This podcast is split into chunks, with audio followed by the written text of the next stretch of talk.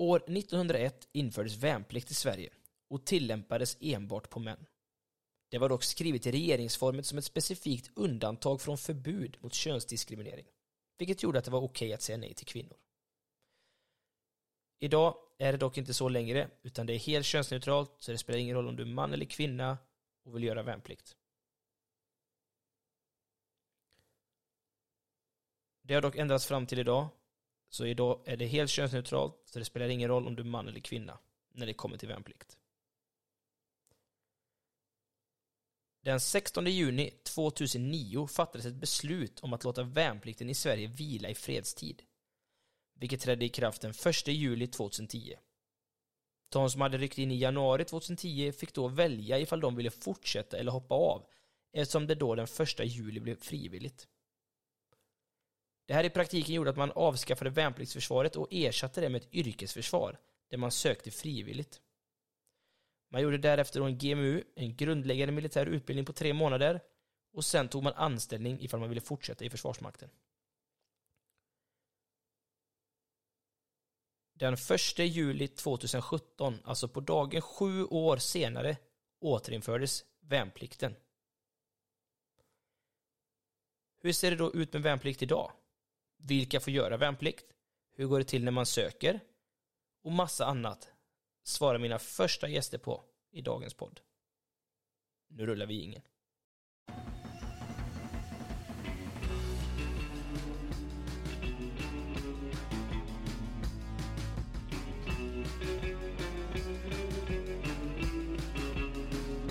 Välkomna ska ni vara till podcasten Från grönt till blått. God morgon! Idag är det dags för mina första gäster. Eh, Jag har bjudit in två stycken gäster som ska prata lite om värnplikt idag. Välkomna! Tack så mycket. Tack. Andrea heter jag, jobbar som skolinformatör. Och jag heter Lisa, jag jobbar också som skolinformatör. Och för de som inte vet då, vad, vad gör en skolinformatör? En eh, skolinformatör är ute och föreläser om Försvarsmakten och framförallt värnplikt då, som nu är återinfört för skolelever. Och varför är det just skolelever ni pratar med? Eh, Det är ju så, precis som Andreas sa, att eh, plikten är ju återinförd, vilket eh, gör att just ungdomarna behöver ha lite koll på vad som komma skall när de blir 18. Då kan det vara så att de får genomföra en militär grundutbildning och då är det bra att de vet vad, vad det är som ska hända. Så, så hur funkar det då? Måste alla som är 18 år i Sverige göra militär grundutbildning? Alla måste ju inte, men alla kan bli kallade. Det är där plikten idag innebär. Det är så att alla när de är 18 år får hem ett mönstringsunderlag i sin brevlåda och det är egentligen där det börjar. Alla fyller i det här och sen är det vissa som blir kallade och vissa blir inte. Eh, när man har fått det här mönstringsunderlaget och man då, då blir man kallad till... Vad blir man kallad till för något? Ja, precis. Vissa blir kallade till att genomföra en mönstring och det är typ en dag av tester. Man åker till Plikt och prövningsverket där man får göra både fysiska och mentala tester. Maxtest i cykling, man får träffa läkare, kolla hörselsyn, som en vanlig hälsokontroll. Helt enkelt för att se vad man har för olika egenskaper och vart man skulle kunna passa bäst. Liksom vilken befattning under din värnplikt är du bäst lämpad för? Är det en fysisk befattning? Är det en mer teknisk befattning? Eller ja, vart passar du? Det är det man kollar på mönstringen. Ja, För när jag gjorde mönstringen så var det ju, då fick jag ju, man gjorde alla de här testerna, cykling och styrka och man pratade med någon psykolog, så fick man olika poäng. Är det samma sak idag? Ja, man får fortfarande olika siffror. Eller en bokstav. Ja. Lite, det är en skala liksom, Okej. utifrån hur man presterar. Så vissa befattningar kräver ju en högre siffra rent fysiskt, andra befattningar kräver en lite lägre siffra rent fysiskt till exempel. Och, och hur funkar det då om man är, som polisen då, så skiljer det till exempel på män och kvinnor har lite olika krav på vissa av övningarna. Hur funkar det i, i mönstringen till, till värnplikt? Här är inte skillnad. Utan samma tester, samma... Ja, Mm. Mönstringen är könsneutral precis som hela värnplikten. Och när man har fått de här poängen då, då pratar man med någon form av handläggare som man då kommer överens om vart man, vilken befattning man ska ha och vart man ska göra i så fall. Exakt. Man kommer ju att eh, träffa en handläggare förutsatt att man har klarat alla tester. Är det så att man inte är godkänd på någon del, då kommer man avbryta sin mönstring och åka hem. Och man kommer inte bli placerad. Men har man klarat alla tester, man har blivit godkänd, liksom klarat minimumkraven, så kommer man att träffa en handläggare. Och det är med den här personen man sen kommer att besluta vart man ska bli placerad. Så här har man ju en liten chans att påverka vart man ska hamna utifrån ens testresultat. Sen är det ju så, det är ju fortfarande plikt. Ja. Så absolut man kan önska, men man kan aldrig vara 100% säker på att man får den befattningen som är ens förstahandsval. Nej. För får du ett andrahandsval och blir kallad, då, eftersom att det är plikt, då, då blir det det du får Ja. rycka in som. Då kan man inte säga "Äh, det var inte det jag egentligen var sugen på, utan Exakt. Nej, precis. Och du kanske önskar en befattning som dina testresultat tyvärr inte uppnår. Ja. För olika befattningar har olika höga krav. Ja. Så då kanske det blir så att du får en annan befattning än den du önskar. Och hur är det nu, för de håller på att öppna upp massa nya regementen och alltså vart, är det bara vissa regementen som har återinfört värnplikten eller kan man, vart kan man göra värnplikten någonstans? Man kan göra värnplikt på väldigt många regementen. Eh, överallt i Sverige i princip. Så från norr till söder. Det är verkligen utspritt överallt. Okej. Eh, så på de flesta regementena kan man göra värnplikt. Och det är både då inom armén, flottan och, eller marinen ska man säga, det har jag lärt mig nu när jag var iväg. Marinen och flygvapnet. Ja. ja. Ja. Och hur, finns det en åldersgräns på hur gammal man får vara för att, för att mönstra? Om, om man är över 18 då till exempel och vill man, man kanske ångrar att man inte gjorde värnplikten när man var 18-19, man är, säger att man är 25. Finns det någon möjlighet då att göra mönstring? Ja, det är ju bara liksom 18-åringarna som blir pliktade i och med att de får automatiskt hem mönstringsunderlaget. Men är man äldre och man inte gjorde värnplikten då, då kan man söka ända upp till 47 års ålder. Upp till 47 års ålder? Mm. Ja. Så är man 25, bara söka frivilligt. Okej. Och hur länge är man inne? Finns det olika alltså, längd på utbildningen eller är det 11 månader för allihopa? Eller? Ja, en värnplikt kan vara allt ifrån 6 till 15 månader lång. Och det beror lite på vilken befattning man har. För olika utbildningar tar olika lång tid att utbilda sig till. Okej, Så 6 till 15 månader. Mm. 6-15 månader.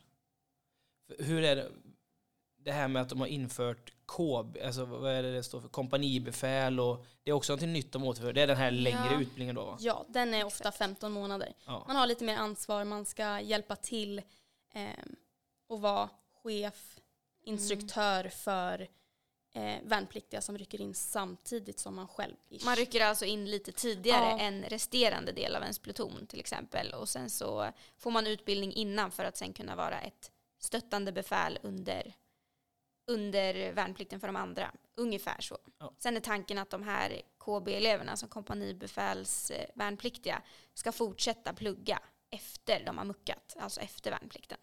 Så de är ju tänkta att ja, ha ett intresse att bli officerare sen.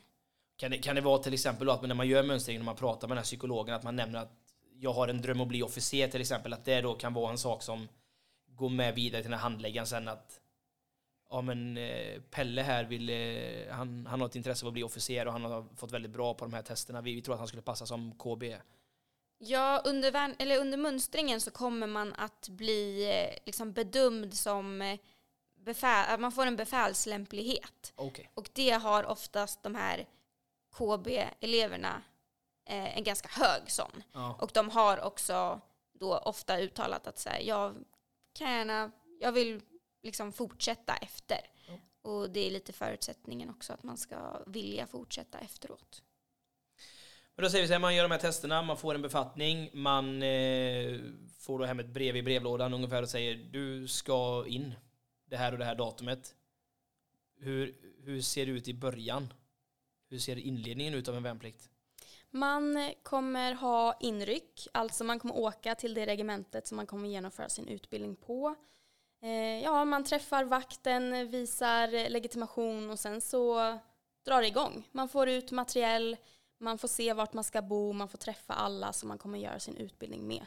Det är väl egentligen liksom första steget. Exakt. Och sen så påbörjar man den här så kallade GMUn, den grundläggande militärutbildningen. Den är tre månader lång och den ser ungefär likadan ut oavsett vart i landet du gör din värnplikt. Så de tre första månaderna då får alla samma utbildning oavsett befattning för att alla ska lära sig grunderna, de grundläggande soldatkunskaperna. Så det är alltifrån att bädda sängen, putsa kängor till att få ut sitt vapen och lära sig hur det fungerar, bo i fält för första gången, ja, lära sig de grundläggande sakerna helt enkelt. Och hur, hur bor man? Man bor tillsammans med eh, ja, blandat killar och tjejer. Ehm, Det kan skilja sig, alltså man bor i logement, alltså typ sovsalar, som är ja, runt 8 till 14 sängar tror jag det kommer upp till. Eh, Så det beror lite på vart man är någonstans, men man kommer bo tillsammans med andra, både killar och tjejer. Det är blandat. Mm. Blandat. Och hur funkar det annars då så här med tjejer och killar? Om man sover tillsammans, hur är det med till exempel duschutrymmen och sådana saker? Mm. Man kommer ju använda alla utrymmen, eh, alltså dela på alla utrymmen. Eh, sen finns det draperier eller bås att stänga sig till så man kommer inte duscha öppet. Men man använder samma utrymmen, toalett och dusch och, och sovsalarna. Vet, en grej som jag hade, en stor grej som jag, när jag var väldigt kräsen med mat när jag gjorde värnplikten. Jag vet att vi var ute i fält, vi, eller vi skulle äta så här frystorkar men det vägrade jag göra och sånt. Så, vad, vad, vad är det för typ av mat man äter? Äter man lagad mat någon gång eller hur, hur ser det ut nu för tiden? Ja, jag skulle säga att det, det beror ju helt på hur mycket man är ute i fält. För som du säger, när man är ute i fält så är det oftast frystorkat eller så här rations som det kallas. Sån här mat som håller i ja, men flera hundra år. Eh, som kanske inte alltid är skitgod liksom. Men eh, den funkar ju absolut tyckte jag när man var hungrig. Då går ju allt ner liksom. Men på, när man är på regementet så är det ofta lagad mat från matsalen. Och det är, eh, tycker jag, riktigt bra mat. Är, man går till matsalen, finns ofta två till tre rätter att välja på. Eh, så är man kräsen som du var, då kan man ju välja det man, det man gillar. Mm. Och har man tur när man är ute i fält, då får man ju isolerat, alltså ISO som det kallas. Ja. Och då eh, kör ju de ut mat till en. Så har man tur får man eh, även matsalsmaten utkörd till fält. Jag var lite avundsjuk på de här som jobbade på Stab och Tross, kommer jag ihåg, de som jobbade med alltså, kockarna och sånt, för de fick ju alltid laga mat. Jag Mm. tyckte vi Ja, som låg ute i skogen var också- lite orättvist. Ja men det är ju också Ja. ett sätt att få lagad mat. Har man eh, kockar i sin pluton till exempel eller eh, ja, utbildar sig till kock eller så så finns det ju oftast, eh, de kommer ut med sina kok och lagar mat till en i skogen. Eh, och då blir det också riktigt bra mat. Kockarna är duktiga. Ja, jag vet att de, de får väldigt, väldigt bra utbildning. Jag- var nästan lite förvånad över när jag testade det här för något halvår sedan. När Mm. kockarna hade, ja, det var väl deras slutövning eller tror jag någonting. Det var nästan så att jag hellre hade ätit där än någon annanstans just då. Ja, kockarna, det brukar vara riktigt bra mat. Men den frystorkade maten, nu är det väl någon helt annan, det är väl mer matigt nu. Det finns väl de här, vad heter de, 24 hours meal, alltså då är det väl så här köttbullar och potatis med gräddsås och Ja, alltså när jag åt då var det pulver ungefär. det finns lite olika varianter. Det beror lite på vart man är också. Eh, för det finns blöt mat och då är liksom maten blöt som man sen får värma upp i så här, värmepåsar. Det funkar ju inte om man eh, är i en miljö där det är riktigt kallt för då kommer ju de vara frysta. Då får man oftast torr mat som man själv får koka vatten till och mjuka upp. Ehm, men numera finns det ju så här redan färdig mjuk mat och ehm, Det är som en konservburk på Ja. påse. den är Ja. I oftast väldigt god. Ehm, pasta, köttbullar, eh, chili con carne är väl ganska vanlig. Ehm, så att det finns, det finns god mat där, tycker jag. Spicy tuna pasta. Mm. Oh, Den spicy är tuna inte så god. Den är, eh, den Nej. är eh, Den är, omtalad. ja. Men jag tycker den är god. Allt går ner när man är hungrig. Ja. Men hur funkar det om man är vegetarian och sånt då? Det är ju inga problem. Nej. Nej. Man kan vara vegetarian. Mm. Det finns mat. I matsalen får du vegetariskt. När du är ute i fält och får såna här rations, alltså blötmat, då får du vegetariskt. Ja. Det finns. Så att det är inga problem. Gött, då är matfrågan, då är den löst. Så att är ni kräsna där ute, då finns det lösningar. Exakt. Men då, när man har gjort den här GMUn, tre månader sa vi, vad, vad gör man efter det då? Efter det så drar man igång med befattningsutbildningen. Och eh, alla har olika befattningar så att eh, man kommer gå lite olika vägar. Är man eh, förare, ja då kommer man ju få övningsköra med eh, lastbil eller andra fordon. Ehm, är man skyttesoldat, ja men då kanske man får lite mer utbildning på ett visst eh, vapenslag och lite sådär. Så att eh, man kommer gå lite olika vägar, men man kommer utbilda sig i den befattningen man har fått. Hur länge pågår den? Det är beroende på om det är 15 månader eller 6 eller Ja, vad det är. precis. Så till exempel jag gjorde nio månader, så min befattningsutbildning den var sex månader. Mm. Okej. Så tre plus sex, då gjorde jag nio. Okej. Eh, och Andrea, du hade ju väl lite längre? Ja, jag Eftersom- gjorde 11 månader, så vad blir det då? Ni, nio? Nio månader, exakt. Ja. Nej. Nej, Nej, åtta. åtta. Ja. ja. Matten är inte på topp. Men hade ni också, så här, för så hade vi när vi gjorde att ja, befattningsutbildningen var ungefär sex månader och sen de här då två sista månaderna vi hade, då, alltså det var nästan bara övningar rakt av hela tiden. Hade ni mycket övningar och sånt också? När ni var, alltså, vad ska man säga? När man väl, man, man gör sin befattningsutbildning för att öva i den befattningen man ska vara. Och sen tar man den kunskapen vidare då till sin pluton. Och så sätter man ihop allting och sen då övar man tillsammans för att Ja men exakt, för vi brukar ju börja med liksom att alla har utbildningar på lite olika håll, men tanken är ju sen att man ingår ju i samma pluton och samma kompani, så att, vilket gör att man kommer ju öva tillsammans. Hur mycket man övar och vart man övar, det beror ju på befattning. Ja. Så till exempel eh, Vissa befattningar kommer att ha mer övningar ute i skogen, andra till exempel har en befattning inom flygvapnet. Ja, men då kanske du är mer på flygplatsen och har dina övningar där. Så det varierar lite. Jag vet, vi hade nog nästan, när jag gjorde det, hade vi nästan rekord i antal fält. Jag tror vi var ute i fält så här 120 dagar, 130 Vad dagar. hade du för befattning? Jag var stridsfordonsbefäl. Mm. Så jag brukar säga, folk brukar inte veta vad det är, så jag brukar säga chefen pansarvagn, då brukar folk fatta ungefär vad Ja. det är. Ja, men Ja. vissa befattningar är ju mycket mer i skogen än andra. Och det är ju bara för att vi behöver den här mångfalden. Alla ska ju inte vara ute och kriga i skogen. Det behövs ju folk på flygplatserna, inom marinen och ja, Mm. alla platser. Så att mycket övning skulle jag väl säga generellt. Men Ja. det varierar ju. Och det är ju det är klart att man kommer öva tillsammans för man behöver ju sätta ihop alla de här olika delarna ja, tillsammans. För det är så man kommer jobba sen. Eh, Så att ja, det är ju mycket övning under befattningsutbildning också. Om man ska förklara pluton, kompani och sånt där, det är kanske inte alla som fattar det. Skulle man kunna säga i storlek då att en, ett, en pluton är ungefär 30-40 stycken? Och, Ja. och ett kompani består då av flera olika plutoner. Så det kan vara upp mot en 2, 3, 400 stycken då kanske? Ja, Ja. men exakt. Kompaniet är en ännu större grupp, plutoner lite mindre grupper. Och ska man gå hela vägen upp sen, då har man nästa steg bataljon, det är flera kompanier. Och sen finns det en brigad som består av flera bataljoner. Exakt. Storleken, det skiter vi. Men jag tänkte så här då, när man har gjort sin befattningsutbildning, man har övat massa och man har blivit duktig på det man håller på med. Vad, sen helt plötsligt så här, då är det dags att, att sluta. Vad händer då? Ja, då muckar man, alltså militär utryck, utryckning, civil klädsel. Det är liksom, man går ut, man är klar med sin utbildning, tack och hej. Vissa kanske känner att jag vill jobba kvar och då finns det ju oftast jobb.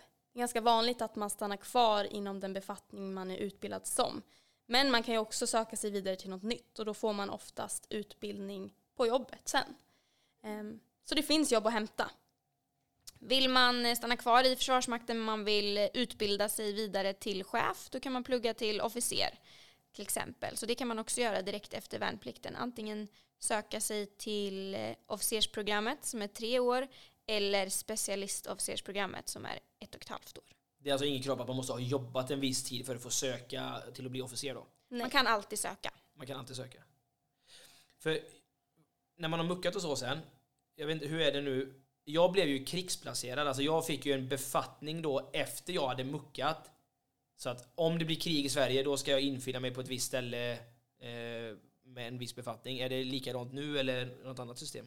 Ja, det är ju så nu också. Så att eh, är det så att man inte jobbar kvar så kommer man ju bli krigsplacerad oavsett. Oavsett vad man gör, om man stannar kvar i Försvarsmakten eller om man går en civil väg kommer man att bli krigsplacerad. Så då kommer man att bli inkallad om det skulle hända någonting. Och då vet man vad man ska göra och vart man ska inställa sig. Men finns det, finns det någon ja, chans att man kan bli inkallad ändå utöver om det blir krig? Det Till exempel blir... som Aurora, när Aurora var, då var jag inne som pliktare. Då blev jag inkallad fastän det inte var krig. Är det... Ja, precis. Det är ju att man kan bli inkallad på repetitionsutbildningar, alltså repövningar. Eh, och det var säkert det du var då inkallad på, att eh, vara med på den här övningen för att upprätthålla, upprätthålla och bibehålla dina kunskaper.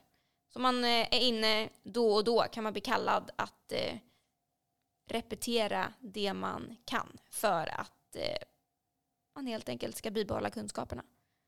Och det kan man bli inkallad på ja, lite när som. Det finns inget så här efter två år eller efter tre år eller sådär. okej.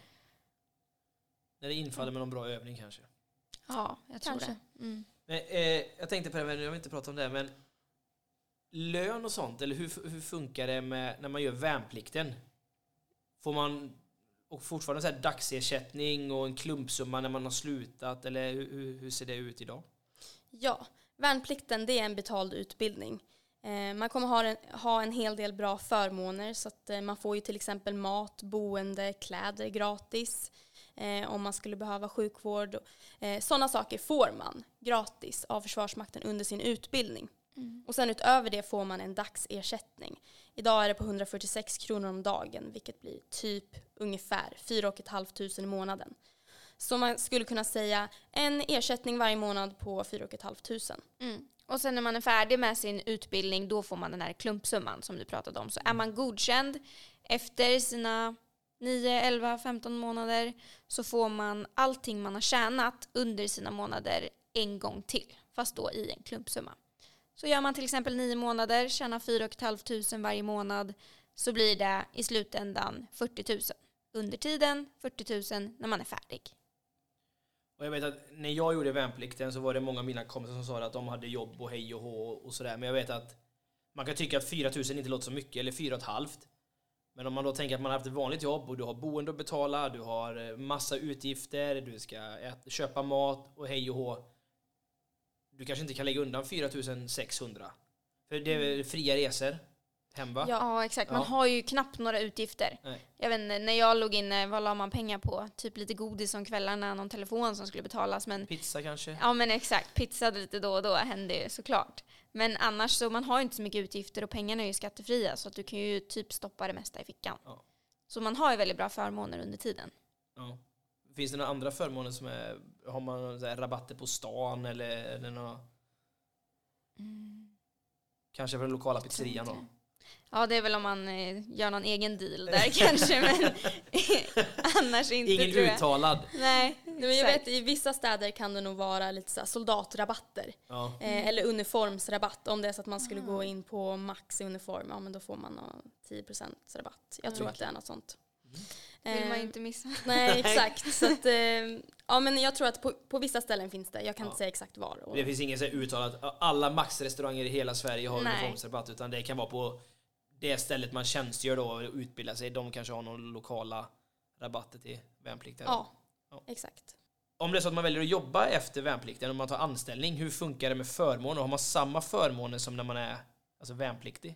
Som eh, anställd så försvinner förmånerna. Så att, det, att jobba i Försvarsmakten det är som vilket vanligt jobb som helst. Man, man får fixa mat, boende och, och sånt själv helt enkelt. Ett vuxet liv med andra ord. Ja, Ja, exakt.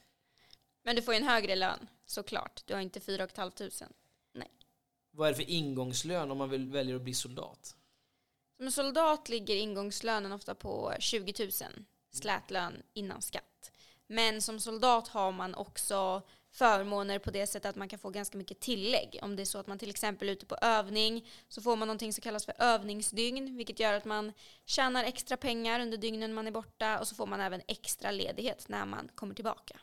Så då är det ganska sällan man tjänar en sån här slätlön utan man har ofta en del tillägg som gör att lönen blir lite högre. Om vi ska sammanfatta hela det här då, från det att man är 18 år, man sitter hemma och får hem ett brev i brevlådan till att man kanske till och med då söker anställning i Försvarsmakten och börjar jobba. Man sitter hemma, man kanske får hem ett brev om att man ska mönstra. Man åker på mönstring, gör tester. Är man lämplig kommer man att eh, få välja en eh, befattning. Därefter eh, ja, får man ett brev hem som säger du ska dit den här tiden, den här dagen. Man genomför eh, tre månader grundläggande militär utbildning, GMU. Och efter det då beroende på hur lång utbildning man har, vad sa vi, 6 till 15 månader beroende på. Ja. Mm. Så gör man då en befattningsutbildning, eh, man övar, och när man är klar då gör man en militär utryckning, civil klädsel, även kallat muck. Och sen kan man då välja om man vill fortsätta arbeta inom Försvarsmakten eller om man vill gå till det civila mörkret. Exakt. Och går man till det civila mörkret då kommer man oavsett att bli krigsplacerad. Man kommer alltså få en befattning som man då kommer få ha om det är så att det skulle bli krig. Ja. Ja. Och om man väljer att arbeta och tycker att Försvarsmakten är det bästa som har hänt, då kan man även fortsätta då plugga till officer. Ja. Och då finns det två linjer. Officersprogrammet och specialistofficersprogrammet. Exakt. Ja. Det summerar väl eh, ungefär det vi har pratat om. Kort och gott. Ja. Innan vi går vidare då, innan vi avslutar, så har vi två lyssnarfrågor som jag tänkte ta upp.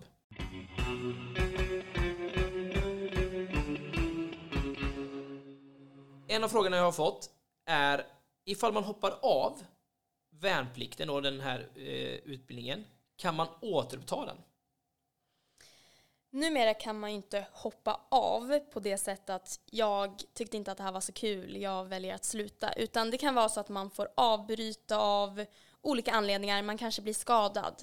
Ehm, och då kan det vara så att man blir tvingad till att lämna för att man inte klarar av att eh, fullfölja utbildningen. Då kan det vara så att man året efter får genomföra en värnplikt på nytt. Och då börjar man om. Så att det är inte så att man startar där man, där man avslutade utan då blir det så att man får göra GMU-skedet igen, befattningsutbildningen och sen man gör hela om. För det, det är inte som en högskola, om man säger så, en utbildning är att du, du gör en kurs och när den kursen är slut så har du gjort den, utan då får man göra om allt det roliga igen. Ja, och allt är väldigt individuellt. Så hur det blir, om det är så att man blir tvingad att eh, avbryta, så kan det se olika ut. Vissa kanske inte får göra om det, vissa kanske får. Det är ju väldigt individuellt. Ehm, och det är ju någonting man får ta med sina befäl eller Plikt och prövningsverket. Och det leder lite in på en annan fråga som jag har fått. Och det är om man skulle börja må dåligt, kanske lite mer psykiskt dåligt. Eh, man tycker att det är jobbigt och man kanske längtar hem eller vad det nu än må vara. Finns det någon man kan prata, finns det någon kurator man kan prata med, någon psykolog eller hur? Kan man bara säga att nej jag vill inte göra det här mer och så får man åka hem eller hur, hur skulle det bli då? Ja, alltså det kommer alltid finnas människor man kan prata med. För det kan vara en ganska stor omställning för vissa att göra en värnplikt. Eh, antingen kan man vända sig till sina kamrater. Vill man kan man vända sig till ett befäl. Men känner man att jag behöver verkligen någon att prata med så har vi försvarshälsan på varje regemente. Och till försvarshälsan hör till exempel läkare, sjuksköterskor och även psykologer. Så då kan man få gå och prata med någon om man skulle behöva. För är det, man kan inte, för förut var det när de, hade, när de tog bort allmän värnplikt och det var frivilligt, då kunde man mer eller mindre på dagen säga, vet ni vad, jag har inte lust att vara kvar. Jag vill åka hem. Ja, så funkar det inte nu. Utan är det så att man verkligen mår jättedåligt, man kanske känner att jag klarar inte av det här, då måste man säga till och sen kommer det bli någon form av utredning. Man kommer diskutera fram vad, vad kommer hända härnäst. Ehm, det är inte så att man bara från en dag till en annan säger att hej då, nu tar jag mitt pick och pack och går. Utan det, det är någonting som kommer utredas och man kommer få eh, någon form av lösning efter att man har kollat vad som Och- ja. Precis, och det gäller ju även om du är, eh, eller oavsett om du är pliktad eller om du har sökt frivilligt. För så fort du som frivillig har sagt ja till din befattning, då räknas du som värnpliktig. Så att eh, man har olika förutsättningar innan man har sagt ja. Alltså vissa har sökt frivilligt, vissa har blivit pliktade. Men så fort man på då Plikt och prövningsverket efter sina tester på mönstringen har sagt ja till befattningen som frivillig, då går du under plikten. Så då är det samma för alla. Och om man nu då sitter där hemma och man har frågor, alltså man kanske har någon fråga som man vill ställa till någon skolinformatör eller man vill ta reda på någonting om värnplikt, hur, hur går man tillväga då? Dels så har vi någonting som kallas för rekryteringslinjen. Det finns både ett mejl och eh, ett telefonnummer som man kan höra av sig till. De svarar på alla möjliga frågor om befattningar, om värnplikt, hur, hur det går till. De kan det mesta. Och sen Försvarsmaktens hemsida. Där finns ju det mesta också. Väldigt mycket bra info om befattningar, eh, vanliga frågor och svar. Det finns till exempel en befattningsguide där man kan hitta alla befattningar. Vad det är Ja. för krav, ja, vad man behöver ha för egenskaper och eh, lite så här, vilka personer den här befattningen passar för. Så alla befattningar finns också att hitta på Försvarsmaktens hemsida. Okej. Och för att runda av lite då, vad skulle ni säga är fördelarna med att göra värnplikt? Fördelarna med att göra en värnplikt är framför allt att man kommer lära känna så många nya människor. Man kommer att eh, ja, få jättemånga kompisar. Det var någonting som jag tyckte var superroligt. Man träffar folk från överallt i landet, folk som man aldrig trodde att man kanske någonsin skulle få träffa och som man verkligen tycker om. Man kommer göra så mycket roligt ihop, man kommer också göra tuffa saker ihop och man kommer ha väldigt mycket gemensamt i slutet av utbildningen. Mm. Ja, gemenskapen är absolut en fördel tyckte jag. Sen så är det ofta en väldigt personlig utveckling för många. Man lär sig väldigt mycket på ganska kort tid. Man lär känna sig själv eh, och man inser att man klarar väldigt mycket mer än vad man tror att man ska klara av. Eh, så att erfarenheter för livet får man absolut med sig och eh, såklart en liten guldstjärna på CVt att man har gjort en värnplikt. Super. Jag får tacka så hjärtligt att ni ville vara med. Hoppas det inte var allt för läskigt.